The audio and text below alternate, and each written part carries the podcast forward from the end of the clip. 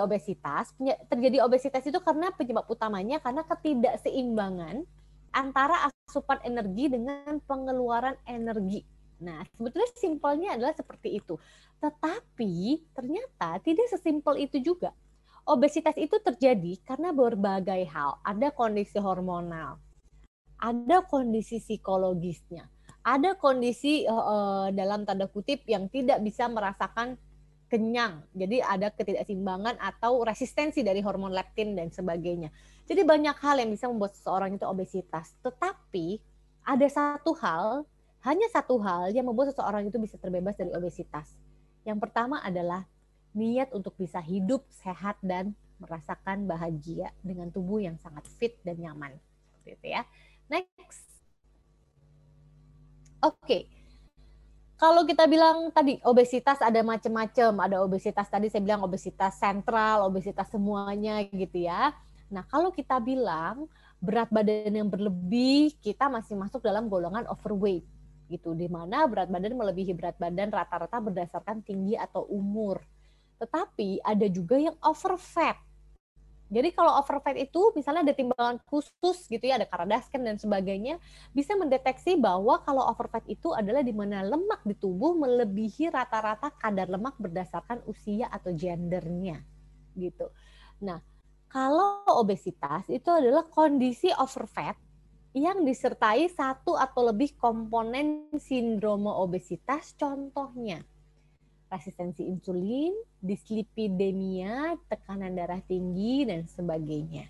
Jadi kalau udah obesitas, kita akan punya resiko yang sangat-sangat-sangat tinggi untuk terjadinya penyakit kronis metabolik atau sindrom metabolik yang tadi diabetes, stroke ya, kemudian uh, hipertensi, tumor. Nah, kadang-kadang orang suka lupa kayaknya kesannya kalau gemuk itu masalahnya Allah paling nanti diabetes, Allah paling nanti ini.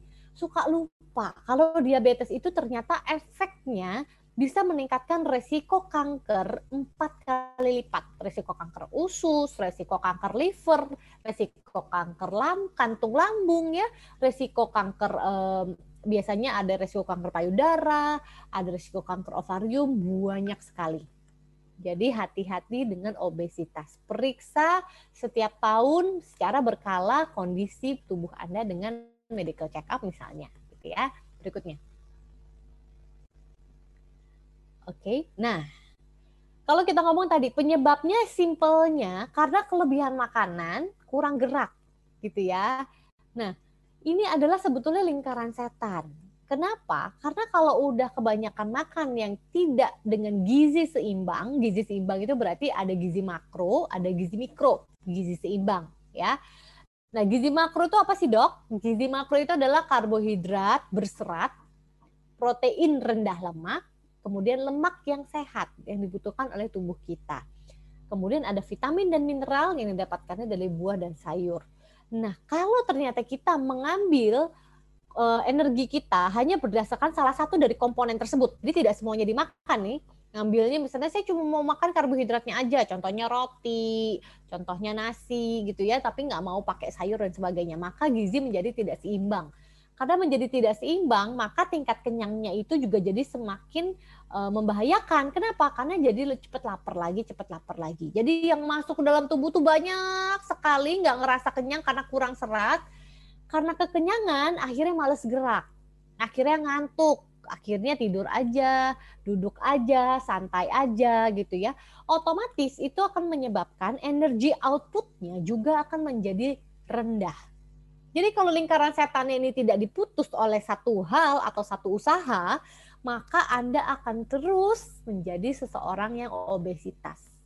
So, satu-satunya cara adalah memutus rantai lingkaran ini sehingga ada Anda bisa menikmati kesempatan baru untuk memiliki hidup yang baru dengan sehat, dengan tubuh yang juga lebih uh, fit dan pastinya lemak yang tidak baik untuk tubuh Anda akan keluar dengan sendirinya sesuai dengan uh, program yang sedang Anda jalankan gitu ya. Jadi di sini bukan berarti kalau dokter Grace ngomongnya soal energi input itu lebih banyak jadi makannya lebih banyak terus kemudian uh, harus olahraga supaya bisa uh, langsing enggak juga jadi tidak jangan sampai anda melihat arti dari gambar ini adalah Anda harus olahraga. Tidak.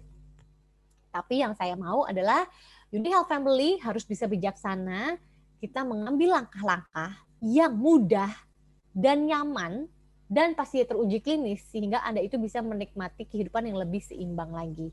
Kalau mau olahraga, boleh banget ya. Oke, okay, next. Oke, okay, nah untuk kita tahu sebetulnya kita ini overweight nggak sih, kelebihan berat badan nggak sih, atau saya ini obesitas bukan ya, gitu ya. Caranya adalah kalau tadi dengan berat badan kan kita bisa lihat uh, dari berat badan dalam kilogram dibagi tinggi badan dikali tinggi badan di uh, dalam meter ya. Itu untuk BMI, Body Mass Index atau indeks massa tubuh IMT. Nah, sekarang kita punya indikator lain lagi, indikator dan klasifikasi berat badan. Ini caranya gampang. Tinggal pakai uh, lingkaran ini aja, pita ukur Pengukuran lingkar pinggang atau waistline circumference itu adalah merefleksikan penimbunan lemak di sekitar organ abdomen perut atau biasa disebut dengan visceral fat. Nah, ini visceral fat yang tadi saya cerita. Yang berpotensi itu meningkatkan resiko penyakit degeneratif seperti jantung dan diabetes. Nah, untuk informasi saja Bapak Ibu uh, Uni Health Family, ayah saya meninggal karena uh, jantung. Dan kondisi beliau saat itu adalah obesitas sentral. Jadi tungkai-tungkainya lengan-lengannya itu uh, tangan dan kaki beliau itu kurus gitu ya langsing. Tetapi perut perut beliau itu gemuk karena apa? Pola makan yang salah yang mungkin di uh, dibuat oleh nenek saya. Gitu. So akhirnya ayah saya meninggal karena jantung dan karena jantung itu nggak sempat uh, punya ini ya nggak uh, sempat berpisah gitu ya tidak ada pesan-pesan dan sebagainya saya tiba-tiba kehilangan ayah saya aja so akhirnya saya di sini pengen menyemangati bahwa hati-hati bukan berarti anda perut buncit itu anda bisa terbebas dari resiko penyakit jantung dan serangan jantung. Justru di sini saya ingin membuka uh, mata anda bahwa penyakit jantung bisa terjadi di siapa saja baik pria maupun wanita. Tetapi resiko pada wanita itu meningkat pada saat setelah sudah menopause sedangkan pria itu resikonya pada saat usia-usia produktif atau usia lanjut. Jadi resiko untuk pria itu rentannya lebih panjang Sedangkan kalau wanita itu penyakit jantung tadi sekali lagi setelah menopause. Oke. Okay? So, kembali dari cerita uh, ayah saya yang meninggal karena jantung, beliau itu lingkar pinggangnya itu di atas 90 cm karena buncit gitu ya. Dan itu sangat-sangat berisiko. Dan akhirnya akhirnya mereka uh, beliau memang meninggal karena jantung. Jadi untuk normalnya bagaimana? Setidaknya lingkar pinggang Anda itu 90 cm ke bawah. Kalau wanita itu 80 cm ke bawah gitu ya. Kalau di atas 80 cm untuk wanita, di atas 90 cm untuk pria, berarti resiko untuk terjadi penyakit jantung, diabetes, eh, kanker liver dan sebagainya, fatty liver itu menjadi lebih tinggi. Gitu. Dan gimana cara mengukurnya? Pastinya ukur, uh, bikin kayak uh, pita ukur atau gunakan pita ukur yang Anda miliki. Kemudian lingkarkan ke tubuh Anda, cari titik tengah pinggang Anda. Gitu ya. Terus uh, jangan dalam kondisi ibu-ibu yang sedang hamil, pasti kondisi perutnya lebih besar karena ada babynya ya. Terus kemudian jangan dalam kondisi yang uh, belum BAB selama tiga hari, empat hari misalnya, jangan juga karena itu pasti akan terjadi uh, pengukuran yang salah. Jadi kondisinya adalah setelah anda buang air besar, anda ukur lingkar pinggangnya untuk tahu uh, standarnya yang anda miliki itu berapa. Gitu. Di sini uh, cara mudahnya adalah untuk melihat lingkar uh, pinggang tetapi yang lebih mudahnya lagi, sekarang coba nengok ke bawah ya. Apakah ikat pinggang Anda masih kelihatan pada saat Anda duduk? Apa udah ketutupan sama perut? ya. Biasanya kalau udah lihat ke bawah ketutupan sama perut berarti tanda-tandanya lingkar perut Anda sudah mulai membesar. Hati-hati, berarti banyak lemak yang menumpuk baik di dalam organ Anda maupun di lapisan bawah kulit perut Anda. Next, berikutnya. Oke. Nah, ini tadi untuk body mass index kita akan mengukurnya bisa dengan caranya tadi eh, berat badan Anda di dalam kilogram gitu ya dibagi berat eh tinggi badan Anda dalam meter terus dikuadratkan. Jadi ini rumusnya ini kalau saya tunjuk nih kelihatan nggak ya IMT. Jadi kilogram berat badan dibagi IS dengan tinggi badan Anda dalam meter dikali uh, tinggi badan Anda dalam meter atau meter kuadrat. Kemudian hasilnya Anda akan mendapatkan yang seperti ini nih. Ya, 18,5, nanti ada yang 29, ada yang 30, ada yang 35, ada yang 40 dan sebagainya. Jadi hasil-hasil pengukuran perhitungan yang tadi, rumus yang di atas nih, itu akan kita lihat bahwa ternyata apakah Anda memiliki berat badan yang normal, apakah Anda memiliki kelebihan berat badan nih di zona kuning, ataukah Anda obesitas di zona orange, ataukah Anda super atau severe atau ekstrim obesitas pada saat Anda sudah memasuki pengukuran di zona yang merah. Gitu ya. Jadi ini bisa diukur nanti, dihitung-hitung di kalkulator Anda untuk kita tahu. Jadi uh, indeks massa tubuh ini adalah ukuran yang menggambarkan hubungan antara berat dan tinggi badan untuk menseleksi uh, dan juga memonitor resiko obesitas seseorang gitu. Oke, ini boleh difoto aja kalau misalnya saat ini mau dihitung-hitung masih agak lama ya, difoto aja supaya kita nanti bisa melihatnya setelah uh, sharing saya pada hari ini. Berikutnya. Oke. Nah, keadaan obesitas di dunia gitu ya, itu sudah uh, banyak sekali. Jadi obesitas telah menjadi wabah penyakit global dan bisa terjadi kepada siapa saja, bisa terjadi pada anak-anak. Hati-hati dengan obesitas pada anak ya dan juga bisa sampai dengan usia yang lanjut. Kemudian prevalensi obesitas ini meningkat tiga kali lipat pada kurun waktu dari tahun 1975 eh, sampai dengan 2016. Jadi sekitar 30 tahunan yang lalu sampai dengan 40 tahunan yang lalu peningkatan orang yang obesitas itu lebih sebetulnya dari tiga kali eh, tiga kali lipat gitu ya karena 13 persen orang dewasa di dunia di atas 18 tahun yang uh, terdata yang menderita obesitas itu sekitar 650 juta orang. Waduh, banyak sekali ya. Jadi hampir seperempat penduduk dunia diprediksi akan mengalami obesitas pada tahun 2045. Jadi sekitar 25 tahun lagi gitu ya. Nah, berarti itu adalah generasi anak-anak kita. Hati-hati. Peta jumlah persentase orang dewasa dengan obesitas ini, nah ini ya bisa kita lihat ya banyak sekali terutama di United States. Kenapa? Karena di sana makannya burger, pizza, kemudian di uh, daerah-daerah Eropa mereka juga banyak makan roti, makan pasta gitu ya. Jadi banyak sekali yang uh, obesitas di negara-negara tersebut, Australia, Amerika gitu ya. Eropa. Next. Nah, gimana kalau di Indonesia? Di Indonesia prevalensi obesitasnya itu 41,4 persen itu wanita gitu ya. Nah, 24 persennya adalah pria. Obesitas di Indonesia itu eh, berarti ini, ah, sorry, ini kita membahas mengenai penyakit tidak menular termasuk obesitas. Yes, betul. Penyakit tidak menular adalah penyakit kronis yang tidak ditularkan dari orang ke orang. Jadi yang tadi akibat dari obesitas kan jantung, stroke, kanker, diabetes, eh, osteoartritis dan sebagainya. Jadi penyakit tidak menular ini merupakan hampir 70 persennya penyebab kematian di dunia. Nah, salah satu penyebab dari penyakit tidak menular ini adalah obesitas. Jadi kalau orang obesitas cenderung resiko untuk terjadinya penyakit-penyakit kronis tersebut lebih tinggi, Bapak Ibu. Dan sebanyak 23,1 persen dari populasi orang dewasa itu mengalami obesitas di Indonesia dan wanita itu lebih banyak dibandingkan dengan pria. Kita bisa lihat kurvanya sebelah kanan ya. Berikutnya. Oke. Faktor penyebab dari obesitas. Obesitas merupakan proses uh, jangka panjang yang biasanya dimulai sejak masa kanak-kanak. Betul. Jadi kadang-kadang orang itu obesitas itu karena sudah terbentuk dari masa kanak-kanaknya. Tetapi apakah bisa kembali menjadi uh, orang yang dengan berat badan yang normal atau dengan kecenderungan lebih kurus dibandingkan dengan sebelumnya? Bisa. Jawabannya adalah bisa. Karena pasien-pasien saya itu mau turun 40 kilo, 30 kilo, bisa. Jadi tidak ada yang tidak mungkin di sini ya. Nah, faktor utama yang bisa membuat seseorang itu obesitas adalah nutrisi.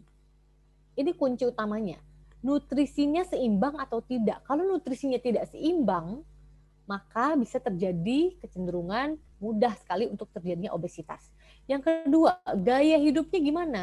Apakah gaya hidupnya uh, begadang? Apakah gaya hidupnya dia tidurnya teratur? Itu akan sangat-sangat berpengaruh yang ketiga, metabolisme tubuhnya. Jadi bagaimana kuantitas dan sensitivitas tubuh terhadap hormon leptin yang tadi saya sebutkan ceritakan ya insulin dan serotoninnya itu apakah seimbang atau tidak.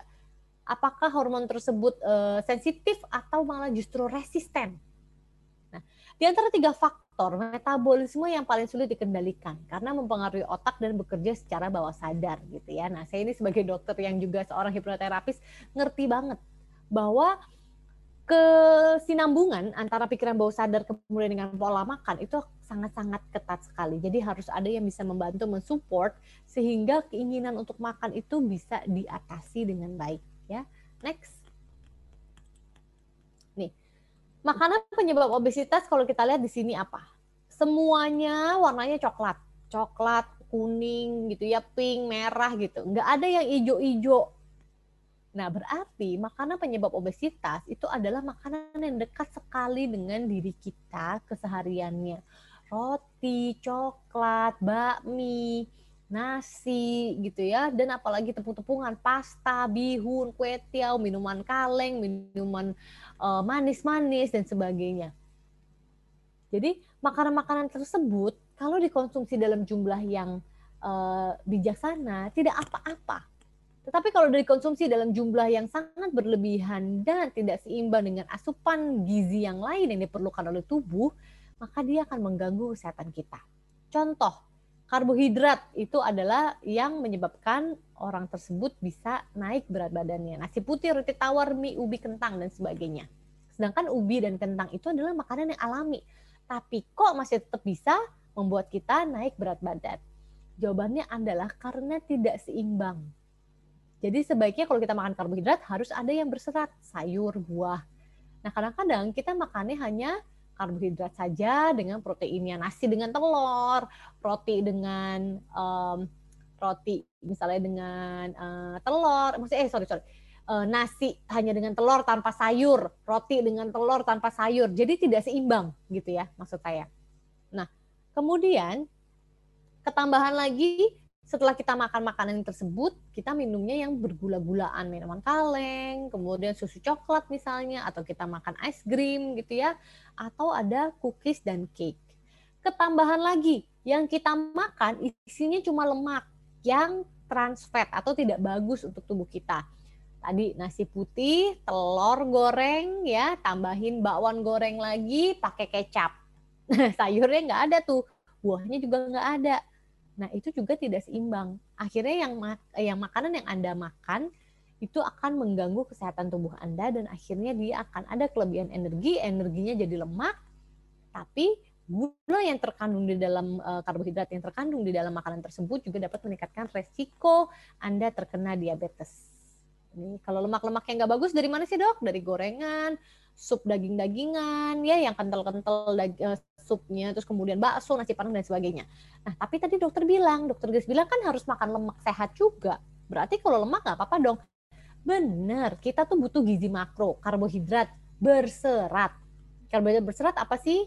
Nasi merah nasi coklat ubi kentang dan sebagainya. Benar yang kedua, proteinnya rendah lemak lah. Kalau protein rendah, rendah lemak itu seperti apa yang bagus?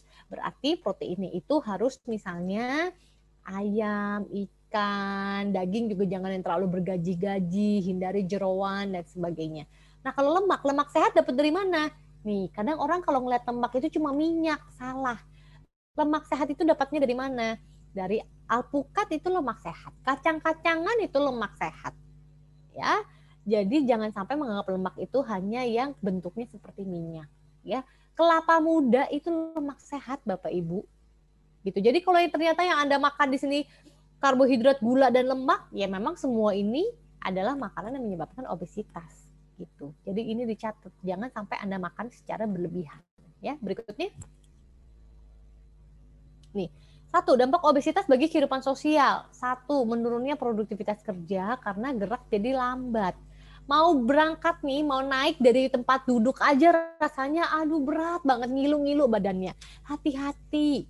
Kalau ayang masih usia 30-an, 40-an udah seperti itu, bayangkan Anda masih harus hidup sekitar 20-30 tahun lagi. Kalau di usia muda, usia produktif Anda sudah dengan kondisi badan yang tidak nyaman, maka nanti Anda juga akan beresiko tinggi untuk memiliki penyakit kronis lainnya di saat Anda sudah berusia lanjut. Ya, yang kedua, Kalau obesitas itu akan mengurangi rasa percaya diri. Kenapa? Akhirnya bajunya Anda longgar, terus nggak ada yang bagus-bagus bajunya. Yang kedua, kalau foto miring-miring serba salah. Yang ada di belakang, maunya ketutupan aja badannya. Biasanya perempuan gitu. Kalau laki-laki disuruh foto, yang biasa kelebihan berat badan suka nggak mau, maunya motoin aja. Jadi apa? Kalau kita lihat kondisi sosial seperti itu, berarti kan kalau kita obesitas bisa mengurangi rasa kepercayaan diri Anda. Nah, kalau kepercayaan diri Anda juga sudah turun, bagaimana Anda bisa untuk nanti ke depannya untuk aktif dalam kegiatan bekerja dan sebagainya yang membutuhkan Anda harus bertemu dengan banyak orang. Ya. Nah, penampilan fisik jadi kurang menarik. Nah, yang jomblo-jomblo juga akhirnya jadi desperado, jadi putus asa. Ini gimana mau punya pacar gitu ya. Jadi sekarang ayo deh, kita masih tahun baru, masih aja tanggal 5, masih punya waktu untuk bisa membuat Anda lebih sehat dan juga Anda akan jadi lebih mudah untuk bahagia dan percaya diri gitu ya. Jadi jangan sampai karena obesitas itu akan membuat Anda menarik diri dari pergaulan. Ya, berikutnya.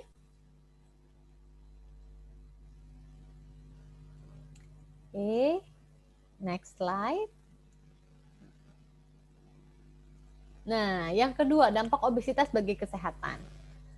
Pastinya akan menyebabkan stroke, ya ada resiko penyakit jantung, diabetes, hipertensi, PCOS ini yang untuk uh, biasanya kalau perempuan-perempuan jadi sulit hamil, ya ini kondisi PCOS yang membuat uh, hal tersebut.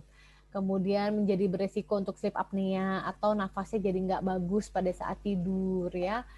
Uh, asam uratnya terganggu, perlemakan hati atau fatty liver, asma, osteoartritis dan juga bernyambung e, dengan kerapuhan tulang atau osteoporosis. Nah, osteoporosis dan osteoartritis ini adalah dua hal yang berbeda. Tetapi osteoartritis dan osteoporosis sangat erat hubungannya dengan orang-orang yang saat ini mengalami obesitas. Benar nggak? Hmm, pasti banyak terjadi ya untuk Bapak Ibu yang uh, naik berat badan dan sebagainya. Nah, kita akan bahas berikut ini. Next. Nah, hubungannya apa sih antara obesitas dan kerapuhan tulang? Jadi kalau dari Harvard Medical School di Boston setelah melakukan pemindaian terhadap tubuh 106 orang yang mengalami kegemukan baik laki-laki maupun perempuan, mereka melihat bahwa obesitas itu uh, terli, uh, ada adalah kondisi di mana kelebihan lemak. Nah, penyimpanan lemak yang berlebih ini itu bisa di hati, di otot, di sumsum uh, di sumsum tulang gitu ya. Nah, sumsum tulang adalah tempat pembentukan tulang baru. Nah, sumsum tulang dipenuhi lemak sehingga tulang baru tidak terbentuk sehingga tulang menjadi rapuh. Jadi gini, sebetulnya gampangnya kalau kita ini obesitas itu ada dua. Jadi ke arah di mana dia membutuhkan kerangka yang kuat untuk menopang tubuhnya sehingga tulangnya akan terjadi pemadatan. Yang kedua, di mana obesitas tersebut malah akan membuat terjadinya osteoporosis atau pengeroposan tulang yang lebih dini. Gitu ya. Nah, karena gini, biasanya eh, osteoporosis terjadi pada saat usia sudah lanjut. Sedangkan obesitas tersebut membuat proses osteoporosis menjadi lebih cepat dibandingkan dengan waktu normalnya gitu ya pahami ya jadi lebih gampangnya adalah seperti itu jadi sudah banyak sekali penelitian-penelitian yang sudah dilakukan oleh uh, beberapa peneliti di dunia dan memang erat sekali hubungannya obesitas dapat beresiko terhadap osteoporosis atau pengeroposan tulang dan terhadap osteoartritis atau peradangan sendi tulang. Oke, okay, next berikutnya. Nih, kalau kita ngomongin soal kerapuhan tulang bahaya nggak sih? Jawabannya adalah bahaya banget. Karena apa? Coba, seseorang yang eh, berat badannya berlebih gitu ya, dia pada saat melangkah, menapak, itu berarti bobotnya itu harus di uh, ditanggung oleh kakinya. Jadi kalau orang yang biasa normal itu satu banding satu gitu ya kekuatan untuk menapaknya, sedangkan kalau orang obesitas kekuatan bebannya itu bisa dua kali sampai dengan tiga kali lipat rasanya lebih berat dibandingkan dengan yang eh, berat badan ideal. Nah, kerapuhan tulang osteoporosis ini disebut sebagai dengan silent disease. Karena penyakit ini biasanya nggak menimbulkan gejala sampai osteoporosisnya itu semakin parah dan bisa memudahkan tulang itu patah atau fraktur. Jadi kalau misalnya orang yang obesitas jatuh gitu ya, maka rata-rata akan lebih tinggi resikonya untuk terjadi kepatahan tulang atau fraktur tulang. Karena ada dua faktor. Yang pertama, terjadi pengeroposan tulang. Yang kedua, bebannya terlalu berat beban tubuhnya yang ditopang oleh tulang tersebut, maka pada saat jatuh dia resiko tinggi sekali untuk terjadinya uh, patah tulang. Oke. Okay? Nah, fraktur ini biasanya terjadi di mana? Di pinggul, di tulang belakang, di pergelangan, di pergelang uh, di pergelangan kaki dan di tungkai kaki. Itu. So, ini adalah kondisi yang harus juga kita pertimbangkan sekarang agar bisa menjadi semangat agar kita itu mau melangkah ke depan dengan ayo perlahan-lahan turunin berat badan secara alami, secara baik yang disupport oleh suplemen yang memang sudah teruji klinis dan sangat nyaman sekali untuk digunakan. Gitu ya. Karena apa? Selain kita menghindari yang namanya obesitas, kita juga menghindari efek samping dari obesitas yaitu pengeroposan tulang dan juga osteoartritis. Next. Jadi caranya adalah bagaimana? Kalau kita mau resiko terjadinya osteoporosis itu menurun, maka kita juga harus menurunkan berat badan kita. Jadi kalau nggak usah ke dokter Grace, ke dokter-dokter tulang, kalau misalnya ngel, ngel, apa, ngeluhnya adalah lututnya sakit, tulang punggungnya sakit, satu hal yang pasti disarankan oleh dokter ortopedinya adalah turunkan berat badan Anda. Setelah itu dikasih obat ini, dikasih obat itu, dan sebagainya. Jadi tanpa Anda harus datang ke dokter ortopedi, saya dokter G sudah memberitahukan kepada Anda. Kalau saat ini Anda lututnya sering sakit, sering ngilu-ngilu pinggul, sering ngilu-ngilu uh, tulang belakang, ayo deh turunkan berat badan Anda dulu. Ya, karena tiga tujuan utamanya adalah mencegah penambahan berat badan, yaitu menurunkan berat badan, menjaga berat badan yang sudah turun dalam jangka panjang, dan juga uh, tiga tujuan utama adalah metode kombinasi holistik antara terapi pola diet, terapi fisik, dan terapi mindset. Jadi kalau Anda sudah bisa melakukan secara holistik semuanya, saya yakin pasti Anda bisa turun berat badan dengan sehat. Dan bisa terjadi rasa nyerinya itu tuh juga akhirnya berkurang bahkan bisa hilang dengan sendirinya tanpa obat-obatan. Kuncinya apa? Turunkan berat badan Anda. Oke, okay? next. Nih, apa yang harus Anda lakukan bila obesitas? Hmm, pasti kurangi konsumsi karbohidrat simplex. Karbohidrat simplex itu apa sih, Dok? Saya juga bingung. Kadang-kadang orang bilang karbohidrat itu nasi. Tapi sebetulnya benar tuh apa sih? Kan kentang juga karbohidrat. Nah, bedanya karbohidrat simplex adalah karbohidrat yang sangat mudah terurai oleh tubuh kita alias rendah serat. Sedangkan karbohidrat yang kompleks adalah karbohidrat yang berserat, yang cenderung biasanya makanan-makanan alami kalau karbohidrat kompleks. Nah, karbohidrat simpleks itu adalah gula, sirup, es krim, cookies, roti, bakmi, bihun gitu ya, kue tiaw. Nah, itu adalah konsumsi makanan karbohidrat simpleks namanya. Yang kedua, kalau Anda mau uh, terbebas dari obesitas, maka juga Anda harus mengkonsumsi uh, kurangi konsumsi lemak yang trans fat atau lemak jenuh. Contohnya lemak jenuh apa? Minyak goreng ya, gaji-gajihan gitu. Nah, kemudian eh, biasanya lemak itu apa ya? Eh, minyak santan yang kental ya, itu adalah lemak yang eh, jahat. Nah, perbanyak konsumsi serat pastinya yang tadi saya cerita jadi makanlah karbohidrat kompleks, contohnya nasi merah, nasi coklat, kemudian uh, ubi, kentang, buah-buahan, ya, dan sayur itu merupakan karbohidrat uh, kompleks yang mengandung serat baik untuk diri kita. Perbanyak konsumsi protein, yaitu telur, ikan, ayam, daging, tahu, tempe. Itu adalah protein hewani dan tahu tempe adalah protein nabati. Kemudian perbanyak minum air putih, lakukan aktivitas fisik. Kalau misalnya Anda suka olahraga, olahragalah dengan sesuai dengan kebutuhan tubuh Anda. Dan yang ketujuh adalah konsumsi slimming series dari Uni Health. Karena apa? Kalau Anda usahanya, karena sekarang gini, badan yang berat, kalau tidak ditopang dengan suplemen yang tepat, maka Anda itu perjalanannya akan sangat sulit. Tapi kalau Anda sudah ada niat, kemudian Anda disupport oleh Slim Series dari Uni Health yang bisa mempermudah kondisi semuanya, maka Anda akan memiliki kondisi yang nyaman sewaktu Anda sedang memecah lemak Anda atau pada saat sebetulnya Anda sedang menghambat penyerapan karbohidrat dari makanan Anda. Jadi tetap makan, tapi yang dimakan di blok dan yang dimakan itu dipecah dengan cepat. Aduh itu enak banget, pasti turun, nggak mungkin enggak ya. Next berikutnya. Nih, mengapa karbohidrat jahat bagi tubuh Anda? Jawabannya adalah next. Nah, karena karbohidrat itu kalau berlebihan dan tanpa serat, dia akan membuat Anda sulit untuk turun berat badan. Ya.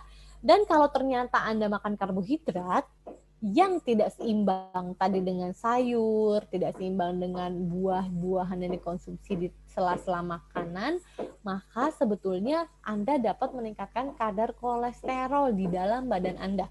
Nah, nanti bingung Dok, kalau misalnya karbohidrat kan hubungannya sama gula darah, kenapa sekarang jadi kadar kolesterolnya meningkat? Nah, jawabannya adalah karena kalau kita tidak mengkonsumsi gizi secara seimbang, yang kita konsumsi hanya karbohidrat ya nasi aja, bakmi aja, kurang sayur, kurang serat dan sebagainya, maka itu akan menjadi peradangan internal.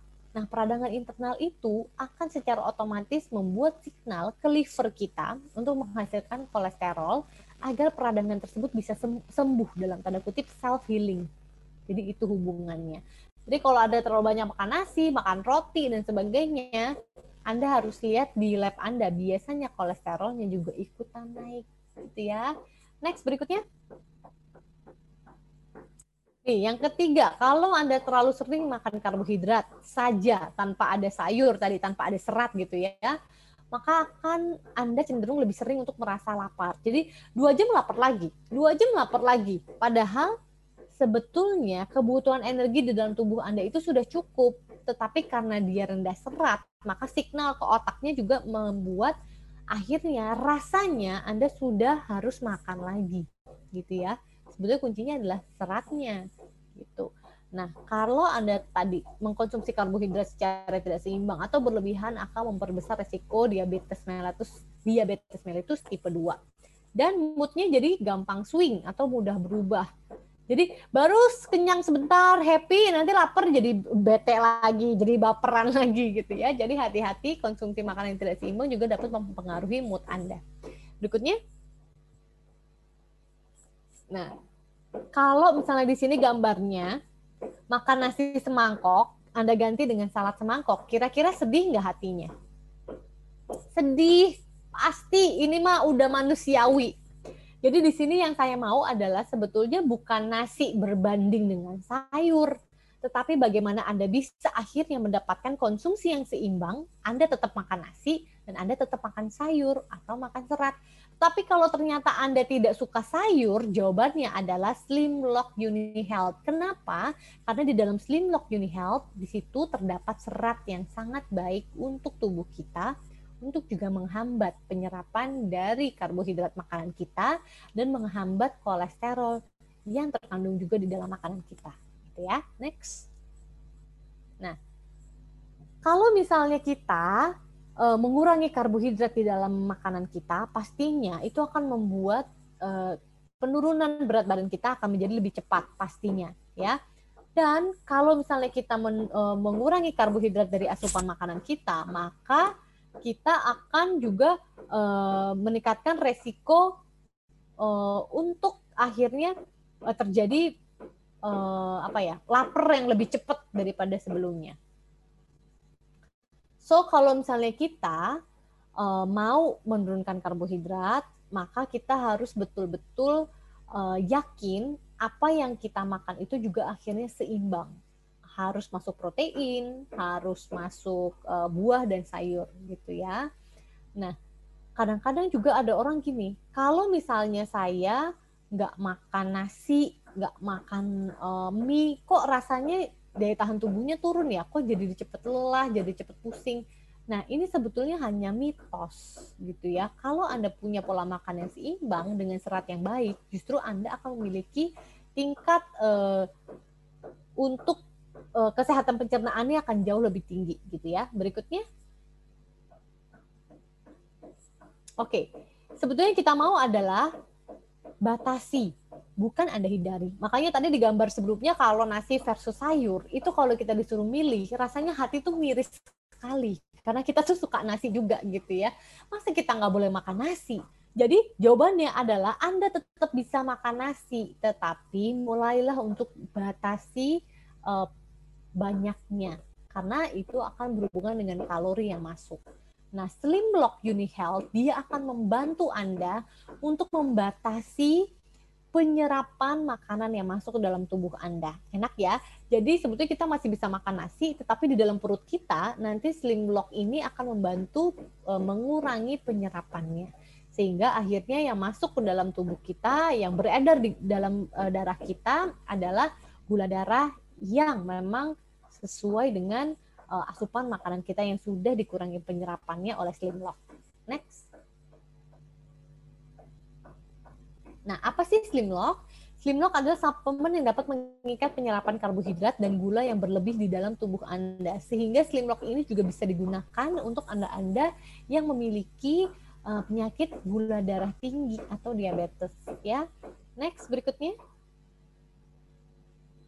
Nah, komposisinya dari si Slim Lock dia itu ada ekstrak Phaseolus vulgaris yang fungsinya adalah carbs blocker atau membatasi penyerapan karbohidrat di dalam tubuh.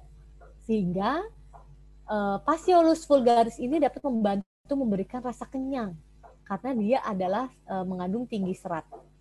Gitu ya. Nah, ada ekstrak tauci juga. Ekstrak tauci ini menurunkan kadar gula darah dan kadar lemak di dalam tubuh karena fungsinya dia adalah sebagai inhibitor alfa glukosidase dan ada juga ekstrak parsley leaf yang terkandung di slim lock ini yang membantu melancarkan buang air besar. Jadi kadang-kadang orang gini, kalau saya makan nasi, saya BAB-nya lancar dok. Kalau saya makan uh, roti atau apa, BAB saya lancar. Nah, tenang. Kalau misalnya Anda memutuskan untuk mengurangi makan nasi, mengurangi makan bakmi, kemudian Anda uh, mengkonsumsi slim lock, Anda tetap bisa BAB dengan lancar tanpa khawatir. Ya, berikutnya.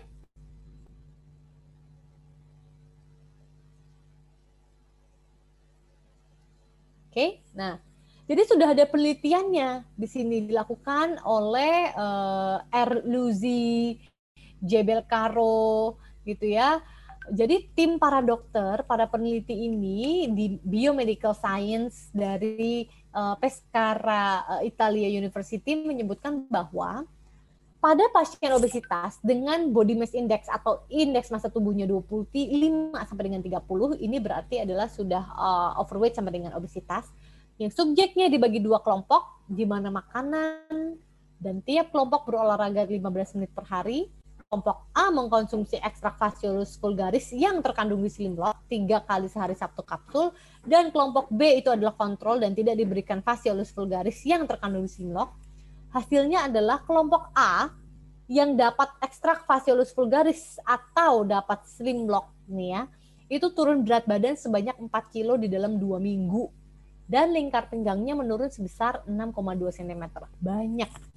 Jadi ini sudah ada penelitian yang mengatakan dan menyatakan secara detail bahwa dengan mengkonsumsi Phaseolus vulgaris yang terkandung di dalam slim lock dapat membantu menurunkan berat badan.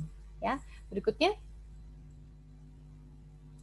Nah, uh, aktivitas ekstrak tauci sebagai penghambat dari alfa glikosidase dibuktikan juga dalam uji klinis. Makanya kalau Uni Health itu selalu uh, mengatakan bahwa diet enak teruji klinis karena sudah diuji terhadap 18 pasien diabetes tipe 2 dan beberapa disertai dengan kondisi hiperlipidemia atau mungkin kondisi kolesterol dan trigliseridnya tidak tidak bagus gitu ya atau tinggi Menggunakan ekstrak tauci tiga kali sehari selama enam bulan diketahui dapat menurunkan serum glukosa darah puasa dan nilai HbA1c secara signifikan. Jadi dengan mengkonsumsi Slim Lock juga dapat membantu mengontrol gula darah bagi Anda yang saat ini sedang dalam kondisi diabetes gitu ya. So yang menurun nggak cuma gula darah saja, tetapi trigliserid juga turun, kemudian eh, HDL ya juga akhirnya naik ya, kolesterol baiknya naik, sehingga pastinya Anda akan mendapatkan kondisi kesehatan yang lebih prima daripada sebelumnya. Next. Nah, dosis dan cara penggunaan untuk Slim Lock itu adalah yang pertama penderita obesitas atau diabetes tiga kali satu hari satu tiga kali satu kapsul maksud saya 5 sampai 10 menit sebelum makan. Dan kalau Anda adalah yang program diet itu juga tiga kali satu kapsul sebelum makan. Jadi kalau sudah diabetes dan mau turun berat badan masih bisa gitu ya. Jadi jangan ngerasanya saya udah diabetes, saya udah obesitas, saya susah banget turunnya. Jangan mengatakan hal tersebut karena dengan Slim Lock, Slim Lock dapat membantu Anda untuk menurunkan berat badan secara alami dan secara sehat karena sudah teruji klinis Bapak Ibu. Berikutnya. Jadi kesimpulannya adalah Slim Lock ini dapat mengurangi penyerapan karbohidrat dan gula hingga 47% tanpa mengambil kandungan serat dan vitamin yang kita butuhkan. Dan Slim Lock dapat menghambat penyerapan karbohidrat sekaligus menurunkan resiko kenaikan insulin dalam darah termasuk menurunkan resiko diabetes tipe 2 ya. Next. Oke. Nah, sudah selesai dengan saya. Setelah ini kita akan uh, lanjut dengan Pak Riki atau bagaimana? Ya, kita tanya jawab Dokter Grace. Ya. Oke. Okay. Ini sudah banyak nih ada dari tadi, dok uh, sudah banyak yang uh, uh, chat. Ada beberapa pertanyaan nih, banyak pertanyaannya menarik-menarik. Mungkin selain ada di chat, boleh juga Bapak Ibu semua peserta webinar kita pada sore hari ini untuk bisa kalau misalnya langsung mau bicara kita nanti akan bukakan mikrofonnya nanti kita akan bukakan. Tapi kalau mau cuman chat saja boleh ya saya akan bacakan Bapak Ibu semua. bisa kita mulai ya dok ya beberapa pertanyaan. Okay. Ya, ya, kesimpulannya tadi menarik sekali gitu dari Dr. Grace bahwasannya uh, salah satu solusi dari obesitas itu sendiri adalah ya pertama itu memang harus dijaga tuh pola makan. Kita harus bisa verifikasi makanan mana makanan mana yang yang memang baik untuk kita konsumsi sehari-hari yang tentunya bisa memenuhi kebutuhan kita sehari-hari. Terus yang kedua tentunya juga kita butuh suplementasi tadi ya, Dok ya. Nah, uh, suplementasinya itu adalah salah satunya itu adalah juga di Slim Lock Uni Health. Ini uh, uh, di kesimpulannya tadi itu adalah dia bisa mengurangi penyerapan gula itu hingga 47% tanpa mengambil kandungan serat dan juga vitamin. Dan itu juga dibuktikan bukan cuma hanya sekedar klaim saja tetapi ini adalah juga berdasarkan uh, clinical study ya berdasarkan uji klinis. Terus juga dia juga bisa menghambat penyerapan karbohidrat sekaligus menurunkan resiko kenaikan insulin dalam darah termasuk menurunkan resiko diabetes tipe 2. Nah, Bapak Ibu semua, yang paling penting kuncinya satu sih menurut saya gitu. Yang paling penting kuncinya satu. Kalau untuk kita menurunkan berat badan itu, Bapak Ibu semua, kuncinya ya tergantung dari diri kita sendiri. Tergantung dari niatnya gitu ya, Dok ya. Betul ya, Dok ya? Benar, betul, betul. Jadi begitu sudah punya niat gitu ya, sudah punya niat, juga dia bisa uh, apa namanya memilih eh, makanan-makanan uh, yang memang uh, uh, layak untuk dikonsumsi setiap hari dan juga ditambahkan yang namanya uh, slim lock ataupun slim series dari Unihel. Kenapa demikian? Karena kadang kita ini manusia ada hilafnya dok ya. Kadang sekali-sekali, aduh saya kepengen makan sop buntut gitu ya. Jadi intinya sih adalah iya uh, iya benar-benar pak. Uh, bagaimana kita bisa bukan cuma hanya sekedar kita menghindari, tapi kita juga bisa membatasi. Tapi kalau misalnya kepepet, enaknya di Unihel kita sudah punya beberapa produk-produk yang memang bisa membantu. Contohnya misalnya Slim Lock misalnya, kepengen banget makan nasi gitu loh. Mumpung ini makannya enak, ya bisa kita uh, tambahkan dengan Slim Lock tentunya dengan dosis yang benar. Terus juga kita punya ABC Egg gitu ya. Terus juga kita punya Slim Health, kita punya juga untuk malam hari, pagi hari, sarapan, Terus pengganti makan itu adalah namanya slim uh, slim shake Bapak Ibu semua. Jadi produk-produk Uni Health khusus untuk slim shake ini adalah produk menurut saya adalah ini ini paling lengkap gitu ya, paling lengkap. Uh, bahkan dulu Dokter Grace juga sempat saya uh, pernah uh, kasih klaim bahwasannya Uni Health produknya lengkap banget gitu loh. Untuk slimmingnya lengkap banget. Ada slim shake-nya, ada slim lock-nya, ada slim health-nya, dan bahkan juga ada memang makanan penggantinya itu adalah Slim Shake. Nah, Bapak Ibu semua, mumpung masih ada Dokter Grace, kita jangan buang-buang kesempatan nih. Kita bisa bertanya nih apa aja. Saya sudah izin tadi sama Dokter Grace, Dok, ini kayaknya pertanyaannya banyak nih, bakal seru nih gitu pertanyaannya karena memang di antara Bapak Ibu semua yang hadir dalam webinar ini rata-rata udah pernah ketemu langsung nih juga sama Dokter Grace gitu. Dokter Grace yang belum sempat kemarin itu belum sempat kita kesampaian untuk berkunjung ke Surabaya yang seingat saya belum sempat berkunjung ke Jayapura gitu ya. Dan belum sempat Iya, belum Pak, ke Aceh juga belum. Oh, ke Aceh juga belum gitu ya. Ya, tapi mudah-mudahan doain aja, mudah-mudahan uh, pandemi ini segera berakhir. Kita nanti akan ketemu Amin. langsung nanti juga dengan Dr. Grace. Tapi hari ini luar biasa, Bapak Ibu semua. Boleh bertanya langsung, kita jangan sia-siakan waktunya, kesempatan kita bisa ngobrol bareng sama Dr. Grace ini. Mungkin saya akan bertanya, saya saya akan bacakan satu persatu pertanyaannya. Siap ya, Dr. Grace ya? Siap, siap. Ya, pertama itu tadi ada pertanyaan mohon penjelasannya mengenai cara menghitung INT kalau untuk menambah berat badan. Bagaimana caranya? Dari okay. Bapak Johan Caniago nih, Dok. Oke, siap. Terima kasih Pak Johan Caniago. Ini mungkin boleh stop screen share kali ya supaya wajah kita bisa terlihat lebih jelas nih Pak Riki. Ya. Uh, mungkin bisa dibantu oleh Mbak Priska. Oke. Karena mendingan lihat wajah saya dan Pak Riki langsung daripada lihat poster saya. Oke oke. Nah, Jadi gini, uh, Pak Johan, kalau tadi mengenai caranya untuk uh, menghitung IMT atau indeks massa tubuh, yang pertama adalah berat badan kita Pak Johan. Tadi saya sudah ngeliat Pak Johan nih. Hai Pak Johan, kok di off lagi videonya? Ah, itu dia. Hai Pak Johan Janiago. Oke, jadi cara menghitungnya Pak, ya berat badan dalam kilogram gitu ya.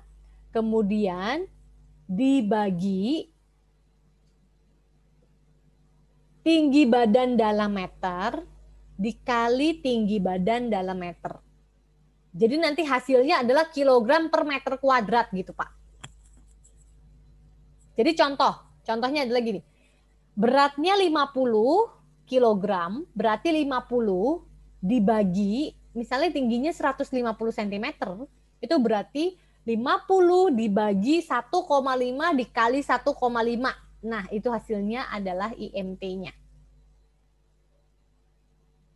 Gitu ya. Jadi kalau tingginya 175 gimana, Dok? Oke, jadi berat badannya 75 terus kemudian tingginya 175 cm berarti hitungannya adalah 75 dibagi 1,75 dikali 1,75. Nah, itu adalah hasil IMT-nya. Kalau ternyata hasil IMT-nya adalah 18,5 sampai dengan 24,9, itu berarti masih dalam kondisi berat badan ideal. Ya. Kalau hasilnya di atas 25, itu berarti sudah overweight. Di atas 30 itu sudah masuk dalam kondisi obesitas. Di atas 35 sudah obesitas tingkat 2, dan selanjutnya sudah obesitas yang tingkat uh, severe atau parah. Demikian Pak Johan Caniago, semoga bisa menjawab ya. Menjadi screening diri sendiri dan juga mungkin bisa menghitung rekan-rekan di kantornya, jangan-jangan ada juga nih yang kelebihan berat badan.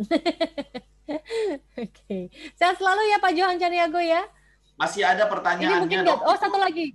Satu Kalau lagi. untuk okay. menambah berat badan, bagaimana caranya? Ini justru menambah berat badan gitu dok. Kalau nambah berat badan, yang paling tepat sebetulnya juga dengan gizi seimbang.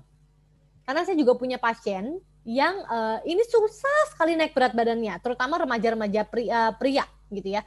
Susah banget naik berat badannya karena metabolismenya terlalu cepat. Caranya adalah perhatikan asupannya. Orang yang terlalu kurus juga biasanya karena kurang serat. Lucunya gitu ya. Jadi orang yang kurang serat bisa obesitas, tapi untuk orang dengan metabolisme tertentu kurang serat malah bisa turun berat badannya. Jadi caranya tetap gizi seimbang, perbanyak konsumsi uh, karbohidrat gitu ya, yang sehat. Contohnya misalnya gini, pola makannya adalah nasi putih, ayam, tempe, dan harus ada cah sayurnya. Kemudian setelah itu harus ada buahnya. Nanti dua jam, tiga jam kemudian harus minum susu Susunya tuh boleh susu sapi, boleh susu yang uh, slim shake juga boleh gitu ya. Nanti dua jam lagi boleh makan roti gitu. Jadi pola makannya harus dipercepat kalau yang mau naik berat badan. Kalau yang mau nurunin berat badan, pola makannya dikurangin. Yang harusnya tiga kali sehari standarnya makan besar, ini dikurangi jadi dua kali makan besar untuk turunin berat badan. Tapi kalau untuk naikin berat badan, justru makannya yang tadinya tiga jadi empat atau lima porsi besar. Gitu Pak. Jadi semoga bisa menjawab. Gitu. Ya, ya. oke. Okay. Terima kasih Kayaknya, ya, Pak Johan. Terima kasih Pak Johan Caniego. Uh, berikutnya ya dok ya ini dari Ibu Ana Maria. Nih, bagaimana obesitas bisa mempengaruhi fertilitas nih, Dok? Oh ya, karena terutama perempuan, Bu. Kalau perempuan itu dia akan mempengaruhi hormon. Jadi gini, lucunya obesitas mempengaruhi hormon dan hormon mempengaruhi kondisi bisa terjadinya obesitas. Jadi ini adalah lingkaran yang yang bisa saling berkesinambungan. Jadi contohnya orang yang punya polycystic ovary syndrome atau PCOS, maka kecenderungan dia akan jadi lebih gemuk, lebih mudah untuk gemuk. Karena dia punya PCOS, dia menjadi lebih gemuk.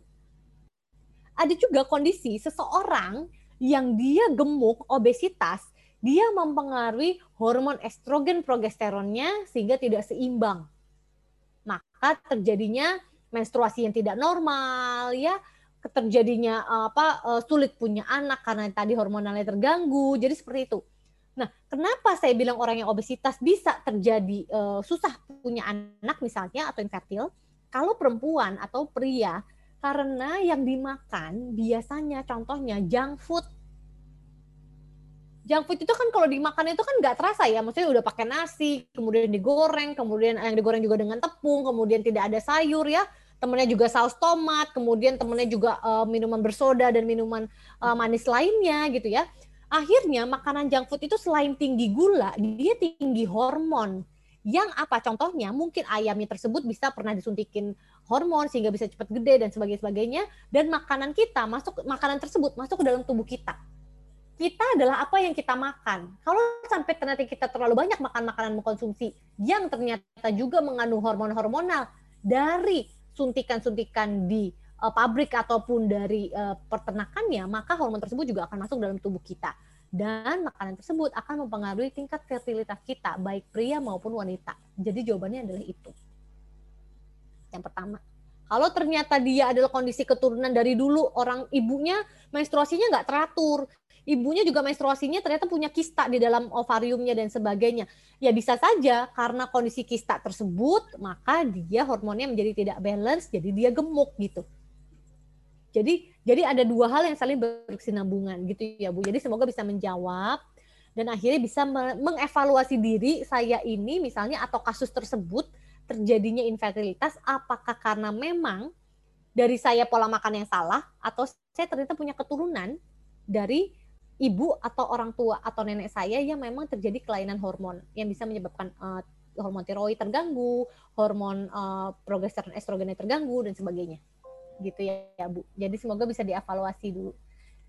Oh, ada yang nanya lagi Bu Ana Maria, PCOS itu sendiri apa ya, Dok? PCOS itu adalah polycystic ovary syndrome, Bu. Polycystic ovary syndrome itu kalau misalnya kita USG itu kelihatan. Jadi seperti anggur, bolong-bolong bolong-bolong bolong-bolong gitu isinya adalah kista-kista Nah, kista itu berisi cairan-cairan.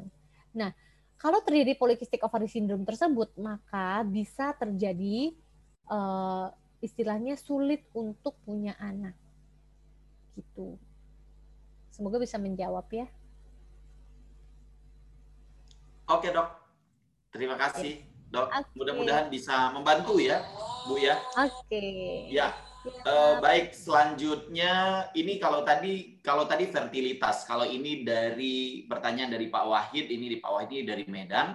Mohon penjelasannya dok pengaruh obesitas terhadap vitalitas. Nah kalau tadi fertilitas, kalau ini vitalitas, apa tuh pengaruhnya dok? Kalau misalnya obesitas terhadap vitalitas?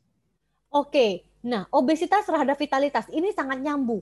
Jadi kalau ternyata orang tersebut adalah obesitas, bisa terjadi juga karena gangguan testosteronnya, hormon testosteron. Nah, hormon testosteron seperti yang kita tahu di pria itu juga akan me, e, sebagai salah satu indikator dia bisa vitalitasnya itu normal atau tidak. Vitalitas ini kalau kita ngomong misalnya uh, uh, organ vital misalnya ya, gitu, itu sangat-sangat berpengaruh. Tapi kalau vitalitasnya ternyata uh, jadi uh, lebih uh, jadi lebih cepet capek dan sebagainya secara fisik ya otomatis karena berat badan yang lebih besar kan pasti akan membuat tubuh juga uh, lebih lambat ya. Karena kan yang menggerakkan itu otot. Jadi yang membuat tubuh kita itu tegap itu kan otot. Tapi kalau ternyata di, diperberat oleh lemak yang bergelantungan juga di otot tersebut, maka otot itu bekerja akan lebih berat kan? Karena lemak itu kan tidak penopang. Lemak itu bukan penopang, yang menopang adalah tulang dan otot kita. Jadi kalau sampai kita juga akhirnya cepet capek, kita akhirnya cepet sakit karena memang kita berat badannya berlebih, ya pasti. Karena nggak seimbang yang seharusnya kita ditopang oleh otot kita, tapi sekarang otot kita ini juga harus menopang lemak-lemak yang bergelantungan di badan kita. Gitu. Jadi ada dua, kalau misalnya vitalitasnya termasuk adalah organ vital laki-laki, iya iya, karena itu menyangkut hormon testosteron yang juga mungkin terganggu, atau karena tadi penopang kita adalah otot dan tulang. Kalau misalnya ternyata lemak terlalu berlebih, pasti akan memberatkan uh, otot juga untuk menopang tubuh gitu Pak. Ya, gitu Pak Wahid ya. Mudah-mudahan bisa bermanfaat ya. Uh, uh, sangat jelas sih menurut saya bahwasannya ya memang obesitas ya tentunya uh, bukan cuma hanya vitalitas menurut saya ya, ya tapi memang aktivitas kita sehari-hari ya pasti juga sangat berpengaruh ya. Gitu. Iya. Uh -uh. Terus berikutnya ini dari Ibu Yeni Setianingrum nih dok. Dok, kalau berat badan meningkat, apakah pengaruh terhadap persendian tulang dan pegal-pegal? uh, ini kalau dia sholat katanya itu hukunya itu sakit gitu loh dok sakit iya, gitu betul nah itu gimana itu dok itu berhubungan dengan tadi yang saya bilang osteoartritis osteoartritis adalah uh, radang sendi tulang nah radang sendi tulang ini biasanya terjadi banyaknya lebih pada orang yang berat badannya berlebih atau sudah masuk obesitas. Jadi lutut itu kaki kan yang menopang seluruh tubuh kita. Jadi kalau misalnya ternyata bagian atas itu lebih berat, untuk ditopang oleh kakinya, maka yang tadi saya bilang, obesitas saja sudah meningkatkan sitokin. Sitokin adalah inflamasi atau peradangan. Ya. Sedangkan lutut yang menopang terjadi pergesekan, itu pasti ada peradangan. Nah, peradangan tersebut diperberat lagi oleh sitokin memang sudah terjadi karena obesitas. Jadinya akan lebih cenderung orang-orang yang gemuk, akhirnya lutut itu sendinya pasti akan terganggu baik nanti uh, karena dia penopang akhirnya gesek-gesekannya terus terus kemudian jadi nyeri, jadi bengkak, jadi merah dan apalagi mungkin akhirnya bantalannya terganggu dan harus ganti bantalan, operasi dan sebagainya. Jadi itu memang sudah efek samping dari obesitas itu sendiri. Caranya bagaimana? Satu, kurangi berat badannya terlebih dahulu sehingga tidak menopang terlalu berat. Yang kedua, setelah itu baru lakukan terapi-terapi yang lain terapi osteoporosis lututnya itu bisa dengan uh, ditambahkan suplemen yang tadi mungkin di Unihealth ada juga suplemen kalsium ya Pak ya mungkin ya, ya kalsium uh, ya osteokalsium untuk tulang kemudian ada untuk kesehatan uh, sendi juga kemudian ditambahkan juga dengan terapi-terapi lainnya tetapi yang paling pertama itu turunin dulu beratnya karena apa pun terapinya yang akan dijalankan kalau berat badannya tidak turun mau sendi itu diganti, maka Anda akan mengalami hal yang sama. Sendi palsu akan enak nyaman setelah operasi, tapi beberapa tahun setelah itu Anda akan mengalami lagi rasa nyeri. Kenapa? Karena Anda tidak mengatasi akar masalahnya. Akar masalahnya adalah kelebihan berat badan itu aja. Gitu. Ya, jadi kuncinya adalah di berat badan. Pokoknya turunin dulu berat badannya gitu ya, Dok ya. Iya, pelan-pelan aja kita kan nggak minta turun berat badan langsung 15 kilo gitu enggak anda turun sekilo perlahan setiap minggu turun sekilo setengah kilo itu juga lama-lama akhirnya meringankan sendi lutut Anda meringankan sendi pergelangan kaki Anda maka Anda akan bisa lebih nyaman untuk beraktivitas lainnya gitu ya gitu ya Ibu Yeni ya terus berikutnya juga pertanyaan dari Ibu Ratnawati ini dok sore dok mau tanya saya punya ponakan umur 20 tahun tingginya 175 beratnya 124. Wow. Kalau ini nggak perlu dihitung lagi ini. Udah pasti dia overweight ya. ya. Bagaimana nih solusinya untuk nuruninnya, Dok? Di usia 20 tahun itu adalah usia-usia yang paling nyaman untuk turun berat badan sebetulnya. Asal anaknya juga niat. gitu. Dan disadarkan bahwa kalau misalnya sekarang turun berat badan 5 kilo aja, 10 kilo aja, itu akan membuat dia satu lebih pede. Yang kedua, pastinya lebih sehat. Nah, apalagi dengan cara yang gampang karena solusinya sekarang itu sudah ada slim uh, slim series ya. Slim series itu ada macam-macam yang tadi udah diceritain Pak Riki. Ada yang buat memblok makanan, ada yang buat meningkatkan metabolisme, ada yang untuk mengikat lemak, ada yang untuk memecah lemak, ada yang untuk pengganti makanan. Jadi di usia 20 tahun itu adalah usia yang paling enak karena apa? Hasilnya akan lebih signifikan dibandingkan orang yang sudah mulai diet di atas usia 50 tahun, 40 tahun. Kenapa? Metabolisme yang masih muda ini masih bisa kita pakai untuk membakar lemak yang tidak diperlukan oleh tubuhnya. Bukan berarti yang usia 45 tahun, eh, 40 atau 50 tahun itu tidak bisa turun berat badannya. Bisa, hanya saja hasilnya pasti nggak akan terlihat jauh jelas seperti anak usia 20 tahun. Usia 20 tahun disuruh turun 30 kilo, gampang. 20 kilo, gampang. Usia 45 tahun, usia 50 tahun, turun 10 kilo aja udah alhamdulillah. Jadi. Pergunakanlah setiap kesempatan. Bukan berarti tidak bisa, tapi di mana Anda memulai, di situlah sebetulnya juga diiringi dengan niat dan juga suplemen yang memang bisa membantu Anda secara alami. Jadi jangan sampai suplemen-suplemen malah jadi racun buat badan kita. Suplemen itu harus teruji klinis, suplemen itu harus alami. Karena apa? Kita ini makhluk alami. Jadi kalau kita ketemunya sama yang alami, itu pasti akan jauh lebih bagus walaupun hasilnya itu sedikit-sedikit dibandingkan dengan kimiawi hasilnya mungkin cepat dalam satu hari tiga hari uh, satu hari udah turun dua kilo itu pasti bahaya. Kenapa? Karena itu pasti ada tanda tanyanya. Kok cepet banget turunnya dua kilo? Karena yang wajar adalah seminggu itu setengah kilo. Seminggu itu uh, bisa uh, dua kilo masih oke. Okay. tapi kalau sehari tiga hari turun dua kilo wah itu nggak wajar itu. Iya, betul. Jadi bukan cuma sekedar alami tapi juga teruji klinis tentunya ya dok ya. Karena itu, itu. yang bikin aman. Betul betul Ya. Betul, betul. Oke, kita lanjut di pertanyaan uh, selanjutnya ya dok ya. Tadi dari Bu Danawati, sekarang dari Ibu Osya. Dari Bu Osya nih Samarinda. Nah, kita Halo. juga pernah ke Samarinda ya dok ya. Dari iya nih, belum nih. dok, kalau laki-laki berat 93, tingginya 172, kolesterol jahatnya 890, gulanya 160, pola makan yang baik bagaimana dok? Sorry, uh, lemak jahatnya berapa? Lemak jahatnya, kolesterol jahatnya 890. Kolesterol jahatnya 890. Ya. Ini LDL atau trigliserid maksudnya ya? Karena kalau LDL nggak mungkin setinggi itu. Iya, ini ini bisa jadi ini trigliserid, ini bisa jadi trigliserid. Kalau trigliserid mungkin 890 tuh masih masih hmm. bisa walaupun uh, dia normalnya itu harus di bawah 150. Hmm. Tetapi hmm kalau 890 baru ngomong gitu aja berarti udah ketahuan pola makannya itu kalau nggak bakmi roti nasi. Iya pasti buruk sekali pola makan dari sisi. Jadi bagaimana itu nih caranya pantangnya apa nih dok biar bisa untuk menormalkan nah, kembali itu? Pantangnya adalah stop tepungnya aja dulu. Hmm. Jadi tidak boleh makan tepung.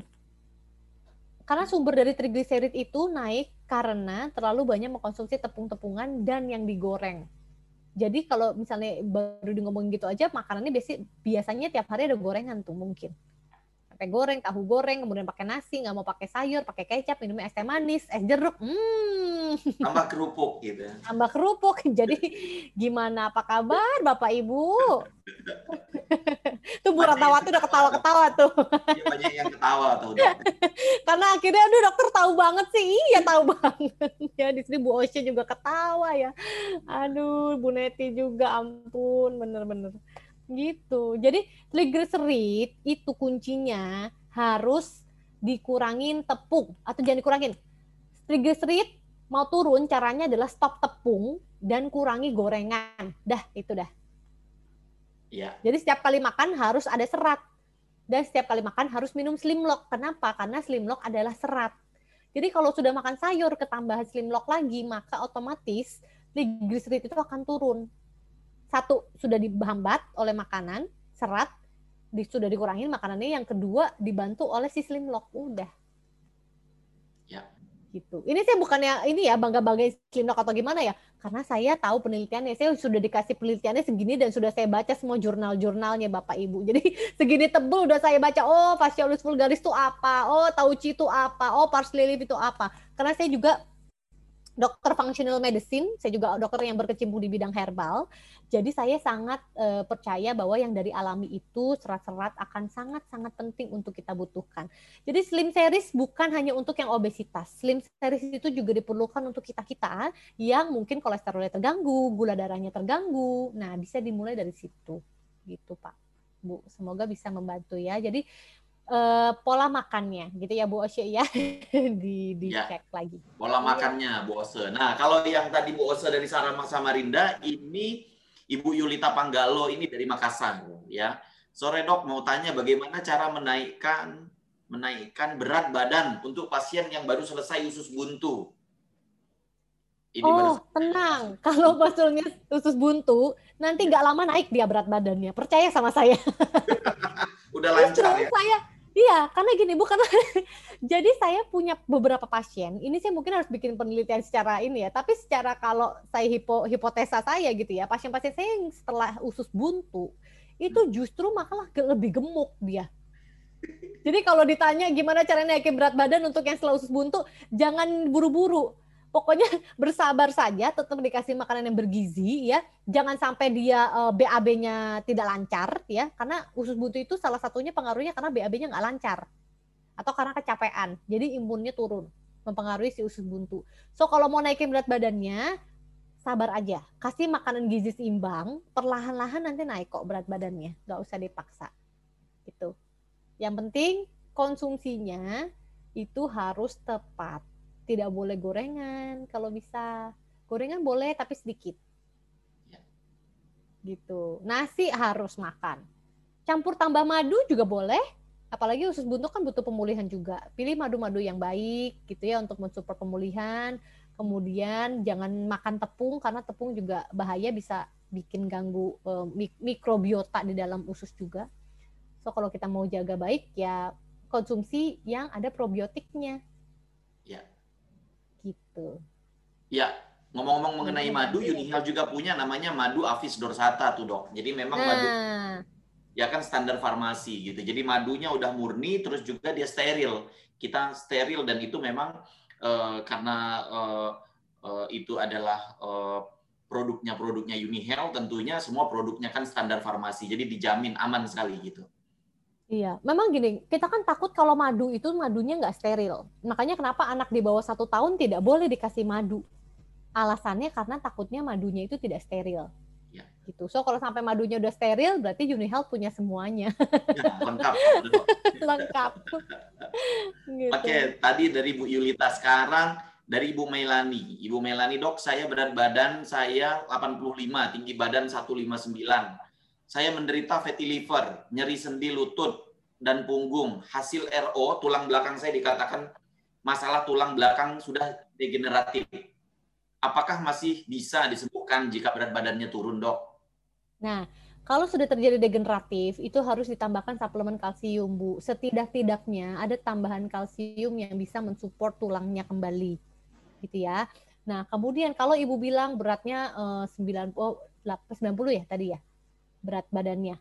Iya, berat badannya sembilan 90. Nah, 85 itu, berat badannya. Oh, 85. Nah, kalau 85 itu biasanya kelihatan dari makannya apakah memang Ibu suka sayur nggak?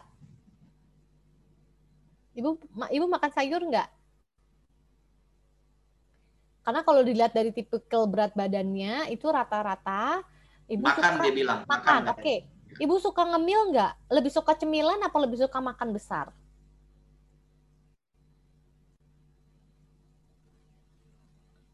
Mungkin bisa dibantu dibuka. Suka, suka cemilan, cemilan juga. juga. Nah, suka cemilan juga. Jadi gini, kalau orang beratnya sudah berlebih gitu ya, rata-rata memang akhirnya itu sukanya makan cemilan, jadi sedikit-sedikit gitu. Jadi nanti satu risol, nanti nggak lama 15 menit lagi nyari apa, nyari apa, nyari apa. Jadi akhirnya makannya itu memang pakai sayur, dimakan tiga, tiga kali makan, tetapi yang uh, di sela-selanya itu nggak terhitung kalorinya dan akhirnya kalau ternyata asupan tepungnya, nasinya uh, itu lebih tinggi dibandingkan dengan kadar yang makan buah, makan sayur, maka akhirnya juga mungkin bisa terganggu ke penyerapan kalsiumnya. Nah, penyerapan kalsiumnya ini itu juga uh, sangat mempengaruhi tadi uh, tulang belakang, mempengaruhi sendi tulang yang lainnya gitu. Jadi kalau tanya bisa sembuh atau tidak dengan turun berat badan, yang pertama jawabannya kalau sembuh sempurna itu adalah tergantung tadi suplemen apa yang diberikan oleh ortopedinya. Tetapi turun berat badan akan sangat-sangat mensupport pemulihan sehingga menjadi lebih cepat. Sehingga dengan turun berat badan, rasa nyeri yang Anda rasakan sekarang itu bisa jauh lebih ringan dibandingkan dengan dalam kondisi berat badan Anda sekarang yang 85 kg. Jadi kalau saya lihat Anda turun 15 kilo aja dalam kondisi yang sekarang itu sudah enak banget badannya. Jadi targetnya adalah turun 15 kilo. Jadi 70 kilo gitu ya dok ya paling tidak. Yes. Ya. ya. 70 kilo paling tidak. Ya. Mm -mm. Oke. Okay. Gitu. Oke. Okay. membantu ya Bu Melania. Ya. Terus berikutnya uh, dari Ibu Tuti Rodiah, ini dari Medan nih Ibu Tuti ini. Dok, mengapa penderita diabetes bisa turun berat badan dengan drastis? Walau ah. banyak gitu. Ya. Jawabannya adalah Bu, karena sebetulnya selnya itu dia kelaparan. Kaget ya? Hah? Kok makan banyak kok selnya kelaparan? Jadi contoh, ini ini adalah uh, giginya, giginya si insulin. Giginya insulin ini yang membantu gula darah yang masuk ke dalam tubuh kita di dalam gula darah, dia itu menggigit si gula darah, eh ya, gula di dalam darah kita, dia gigit untuk masuk ke dalam sel. Ya.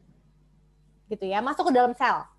Sehingga dapat uh, diper, dipergunakan oleh sel untuk menjadi energi. Hmm. Nah, yang sekarang ini menjadi masalah untuk orang diabetes adalah di jalanan itu banyak gula darah nih. Banyak gula darahnya lewat. Tapi yang insulin bergigi ini ompong. Hmm. Akhirnya pada saat dia mau ngambil si gula di dalam darah, nggak bisa. Nggak bisa. Jadi pada saat dia nggak bisa, kan copot lagi. Nah, dia ini insulin ini masukin uh, masuk ke dalam sel itu kosong, tidak ada gula darahnya. Hmm. Gitu. Akhirnya gula darah itu menjadi sampah di dalam pembuluh darah. Hmm. Dia ada, tapi dalam tanda kutip seakan-akan nggak ada. Padahal bukannya dia nggak ada, yang transportasinya ini ompong nggak bisa gigit dia. Jadi kalau kalau udah menempel lepas lagi Terus selnya dapat makanan dari mana? Gak ada makanan. Nah kalau selnya nggak ada makanan, otomatis tubuhnya kurus.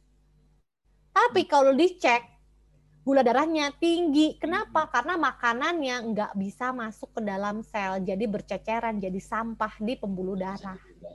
Makanya orang yang diabetes itu terjadi penyumbatan, orang yang diabetes itu gagal ginjal, orang yang diabetes itu macam-macam kerusakan saraf dan sebagainya. Kenapa? Karena gula dari makanannya tidak bisa masuk ke dalam tubuhnya, tidak bisa masuk ke dalam selnya. Dia hanya akhirnya menjadi sampah di pembuluh darah. Ya. Gitu. Makanya Orang diabetes kalau sampai dia kurus tapi dia makannya banyak, itu berarti sudah terjadi kegagalan fungsi insulin atau mungkin juga bisa terjadi kegagalan pankreas yang menghasilkan insulin. Jadi jangan sampai amit-amit Bapak Ibu semua Uni Health Family yang punya diabetes itu jangan sampai tidak mengkontrol gula darahnya karena diabetes itu adalah bisa menjadi akar dari masalah-masalah yang lainnya, penyakit-penyakit yang lainnya. Jadi kontrollah gula darah Anda dengan benar, kontrollah berat badan Anda dengan benar, karena niscaya dengan gula darah yang dikontrol dengan baik, Anda bisa memiliki kualitas hidup lebih baik. Amin.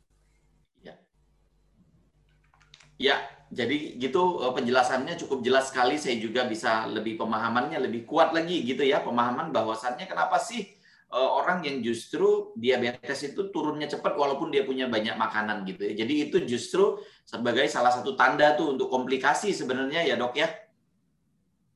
Oke. okay. itu berarti sudah parah, iya.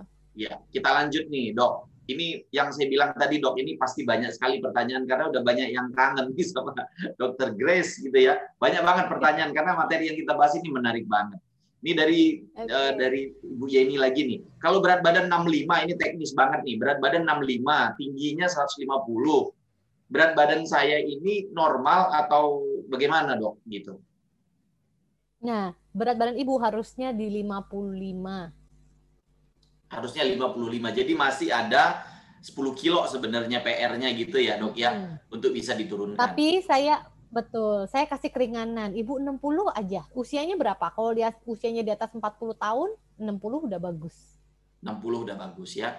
Nah, kalau, kalau usianya saya... 20 tahun, 55.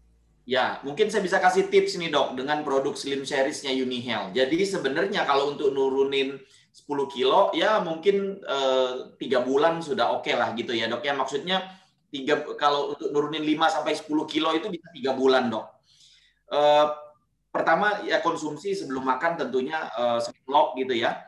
Terus juga eh, slim slim health juga setiap hari tiga kali satu dan yang paling penting juga jangan lupa kita konsumsi pada malam hari tentunya ya. Malam hari itu tidak tidak eh, kita punya makanan pengganti namanya slim shake. Itu cukup slim shake saja. Sesimpel itu kita cukup minum slim shake aja satu hari itu satu pada pada saat malam hari. Terus juga sarapan menggunakan slim shake. Pada saat dia misalnya siang hari boleh makan ataupun pagi-pagi juga dia mau ngemil juga boleh sebatas ngemil tidak makan berat dan itu kalau dikonsumsi dilakukan secara rutin, Slim Series ini memang dampaknya itu cukup signifikan dok. Yang paling penting eh, teratur, yang paling penting memang konsisten, terutama malam harinya. Malam hari dia minum Slim Shake. Karena beberapa testimoni itu yang memang rutin Slim Shake, itu satu bulan itu bisa sampai 5 kilo lu turunnya. Dan itu yang nah, paling penting konsisten. Yang paling penting konsisten. Jadi pada saat malam hari misalnya, pada saat dia minum slim shake, dia memang nggak boleh lagi makan-makan misalnya makan berat. Dan itu kalau dilakukan secara rutin, satu bulan itu cukup signifikan. Bisa 5 kilo. Tiga yes. bulan itu 5 sampai 10 kilo itu kalau dia rutin pasti dia bisa turun. Jadi ini saran untuk ini, ini kalau mau coba slim seriesnya Unihel, itu bisa digunakan, bisa dicoba, dan bisa juga jadi salah satu testimoni nih Bu Yeni nih. Ya saya juga belum kenal sama Bu Yeni. Ya mudah-mudahan nanti setelah konsumsi nanti bisa bisa lebih kenal dan bisa jadi testimoni ini ya. Oke, kita lanjut. Yes, betul.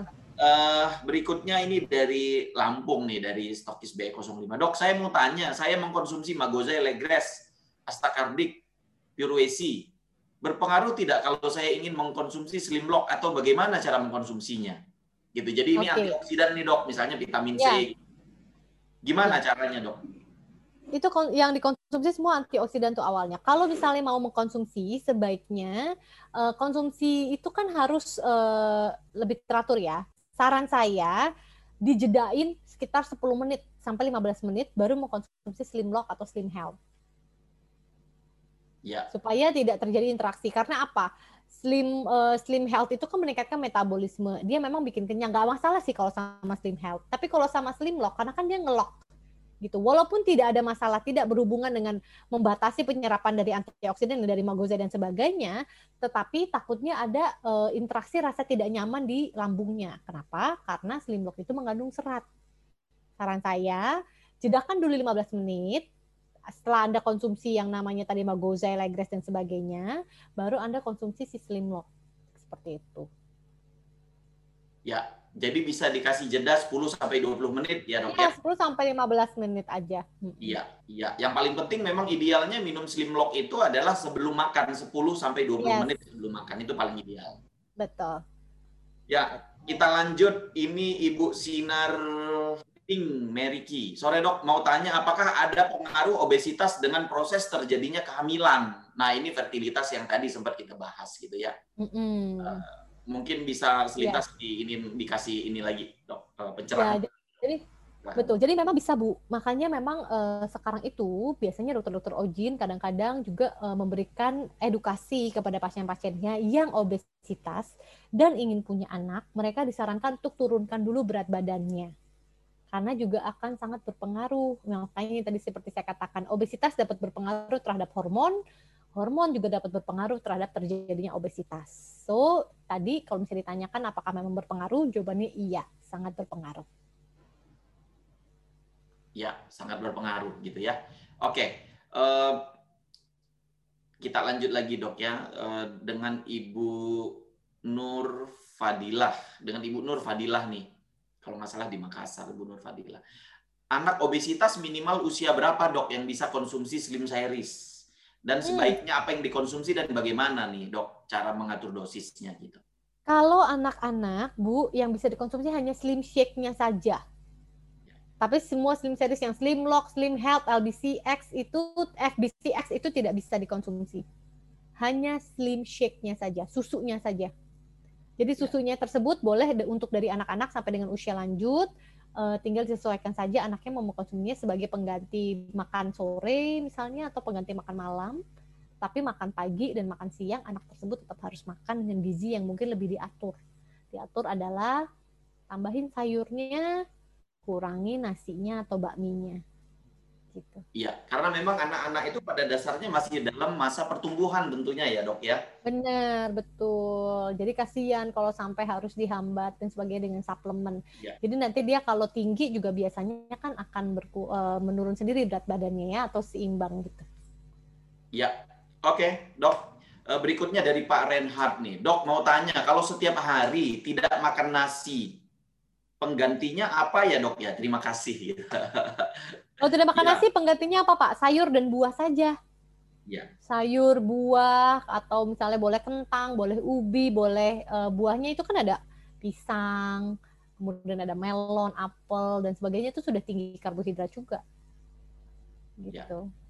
Ya, terus malam harinya kalau misalnya untuk menjaga berat badan ataupun untuk mengurangi berat badan, malam harinya minum Slim Shake. Ya. Kenapa? Karena di dalam Slim Shake itu sebenarnya sudah lengkap sih multivitaminnya, ya kan? Iya, iya betul. Tapi juga yang perlu diperhatikan juga tetap konsumsi makanan eh, apa namanya sehari-hari yang kaya akan serat tetap itu dikonsumsi secara rutin. Gitu. Betul, nah, kalau untuk menurunkan berat badan tentunya Pak Renhard itu paling efektif sekali udah siangnya kita makan makanan yang banyak seratnya, makan buah, sayur gitu ya. Malam harinya minum slim shake. Itu slim shake ini uh, dia uh, bukan saja sebagai uh, nutrisi tambahan, tapi juga diklaim sebagai makanan pengganti ini dok. Jadi ini memang yeah, betul-betul yeah. digunakan gitu. Tidak akan yeah, terjadi malnutrisi kalau dikonsumsi secara rutin. Gitu. Yeah, yeah. Betul. Terus berikutnya ini dari Pak Darusman, dok kalau dietnya hanya menggunakan slim shake, apa tubuh tidak bermasalah juga tuh? Gitu. dari Pak Darusman. Dengan ya. slim shake, maksudnya satu hari hanya slim shake saja gitu? Bagaimana maksudnya kalau dengan Pertanyaannya shake? kalau misalnya slim shake digunakan secara terus menerus gitu ya? Enggak, enggak ada masalah, enggak ada masalah. Kalau anda tidak alergi susu gitu ya, tidak ada masalah untuk dikonsumsi jangka panjang karena memang hanya ya. suplemen saja. Ya, terus juga dia slim shake ini sudah mendapatkan uh, diet pangan khusus ini dok. Ya betul diet pangan khusus itu jadi bisa cocok untuk dikonsumsi baik anak-anak maupun orang yang sudah lansia. Iya, dan kalau dikonsumsi secara rutin ini tidak mengakibatkan misalnya kerusakan organ, terus juga tidak mengakibatkan malnutrisi. Jadi gitu ya Pak Darusman ya. Ini Pak Darusman ada di Palu nih, saya kenal nih sama Pak Darusman. terus berikutnya, ya. wah ini luar biasa nih, banyak banget nih. Wah ini Pak Darusman juga kasih testimoni nih dok. Kebetulan istri saya diet pakai Slim Shake dua minggu turun 4 kilo. Wow, wow keren keren. Sebenarnya yang paling penting ini adalah konsistensi. Kuncinya konsisten. Karena kebanyakan yang minum Slim Shake itu dia dia konsumsi terus nanti tengah malam jam 11 gitu karena niatnya diet gitu ya.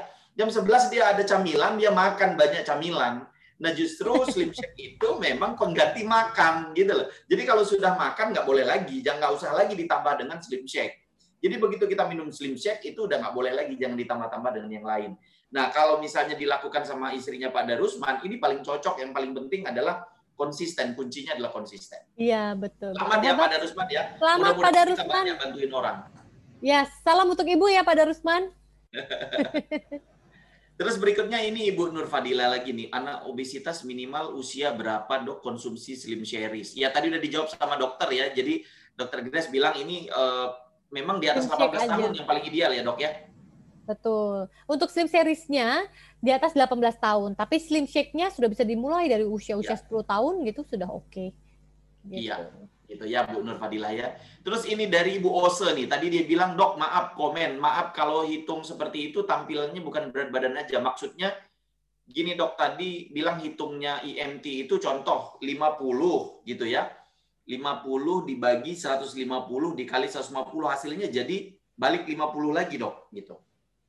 Bukan uh, jadi gini. 50 kg kalau tingginya 150 jadi dijadikan meter dulu. Kan 150 itu 150 cm. Ya. Kita harus jadikan meter dulu. Jadi 100 eh jadi 50 dibagi 1,5 meter dikali 1,5 meter. Ya. Itu hasil IMT gitu ya. Ya, ya gitu ya Bu Osa nanti dicoba lagi Bu Osa. Eh, ya, meter dulu. Dijadiin, uh. dijadiin meter dulu Bu Osa. Ya, terus berikutnya lagi uh, berikutnya Dok, ibu dari dari Ibu Neti nih, dari Mami Neti dari Jakarta nih. Dok, mau tanya, okay. berat badan saya 67, usia 65 tahun, tinggi 160. Selama ini tidak pernah ada keluhan, bahkan saya bisa lari. Wah, hebat Mami Neti. Hebat. Ini banyak minum gozai sama banyak minum astagen ini Mami Neti. Tapi sebenarnya kondisi berat badan dan tinggi badan saya normal atau tidak, Dok? Nah, itu, Dok. Nih, coba kita hitung ya. Tadi beratnya, eh, ya. eh tingginya berapa, Bu? 160. Berat badannya 160. Oke. Berat badannya 67 ya. Oke, sebentar. Oke. 26. Ibu hanya overweight kelebihan sedikit aja. Jadi kurangin paling sekitar 2 kilo, 3 kilo udah oke. Karena ya, hasil IMT-nya 26. Saja udah cukup. Mm -mm. Hasil indeks masa tubuhnya BMI-nya itu 26. 26 ya. Ya, jadi tinggal aja. kurangin dikit lagi, Anda udah ideal sekali, udah sehat sekali. Mantap. Ya. Sehat terus. Mami Neti. Sehat terus Bu Neti. Alhamdulillah ya Bu Neti ya. Di sini saya lagi lihat Bu Neti nih pakai hijab merah cantik. iya. Apabila konsumsi liveron nih dok dari Bu Melani uh, dari Manado nih, uh, produk lain uh, apabila konsumsi liveron atau produk lain malam hari, bila hanya minum slim shake tidak makan berat? Saya jawab, saya bisa bantu jawab. Ya, hmm. jadi nggak ada masalah konsumsi hmm. itu nutrisi untuk ini dok, betul. nutrasetika untuk liver dok. Iya betul betul liveron ya, oke. Okay. Ya jadi tidak ada masalah, jadi tidak ada masalah ya, tidak makan juga tidak ada masalah gitu. Eh, dan yang paling penting kalau memang konsen untuk menurunkan berat badan, slim shake-nya di, dikonsumsi secara rutin dan dikonsumsi secara konsisten. Terus dari Ibu uh, Juliana Rosa dari Palu nih. Dok, kalau hanya untuk mengecilkan lingkar pinggang bagaimana? Berat badan sudah pas, tapi perutnya besar. Apa yang harus dikonsumsi itu, Dok? Nah, yang perutnya besar biasanya di tipikalnya segitiga badannya. Jadi pundaknya lebih lebar daripada pinggulnya. Biasanya gitu. Nah, kalau pundaknya lebih lebar daripada pinggulnya, itu kalau gemuk biasanya ke perut dulu. Nah, hmm. kalau ke perut dulu itu biasanya karena terlalu banyak mengkonsumsi nasi dan uh, tepung-tepungan. Itu aja. Saya udah udah saking banyak ribuan pasien kalau misalnya masalah nutrisi, kalau dia datang dengan perut rada buncit, itu coba stok nasi sama roti aja dulu. Itu perutnya lebih bagus pasti, lebih kempes. Gitu. Jadi ya. untuk kecilin pinggang, ganti makannya jangan pakai nasi, tapi sayur, kentang, wortel sama protein aja gitu. Iya, iya. Ini tadi dok masih penasaran ini, Bu Ose tadi masih penasaran ini dok. Di chat itu masih ditulis. Iya dok, Berapa? ini masih. Uh, dia bilang kok hasilnya cuma 50 gitu. Nah ini saya baca oh, ini. Tinggi badannya berapa? Eh, tinggi badan berapa? Berat badan berapa Bu Osye? Saya hitungin. Tinggi badannya sebentar dok. Saya, nah ini dia. Uh, tinggi badannya 150. Ya berat badannya 50 ya. Berat badannya 50. Oke. Kalau itu hasilnya 22.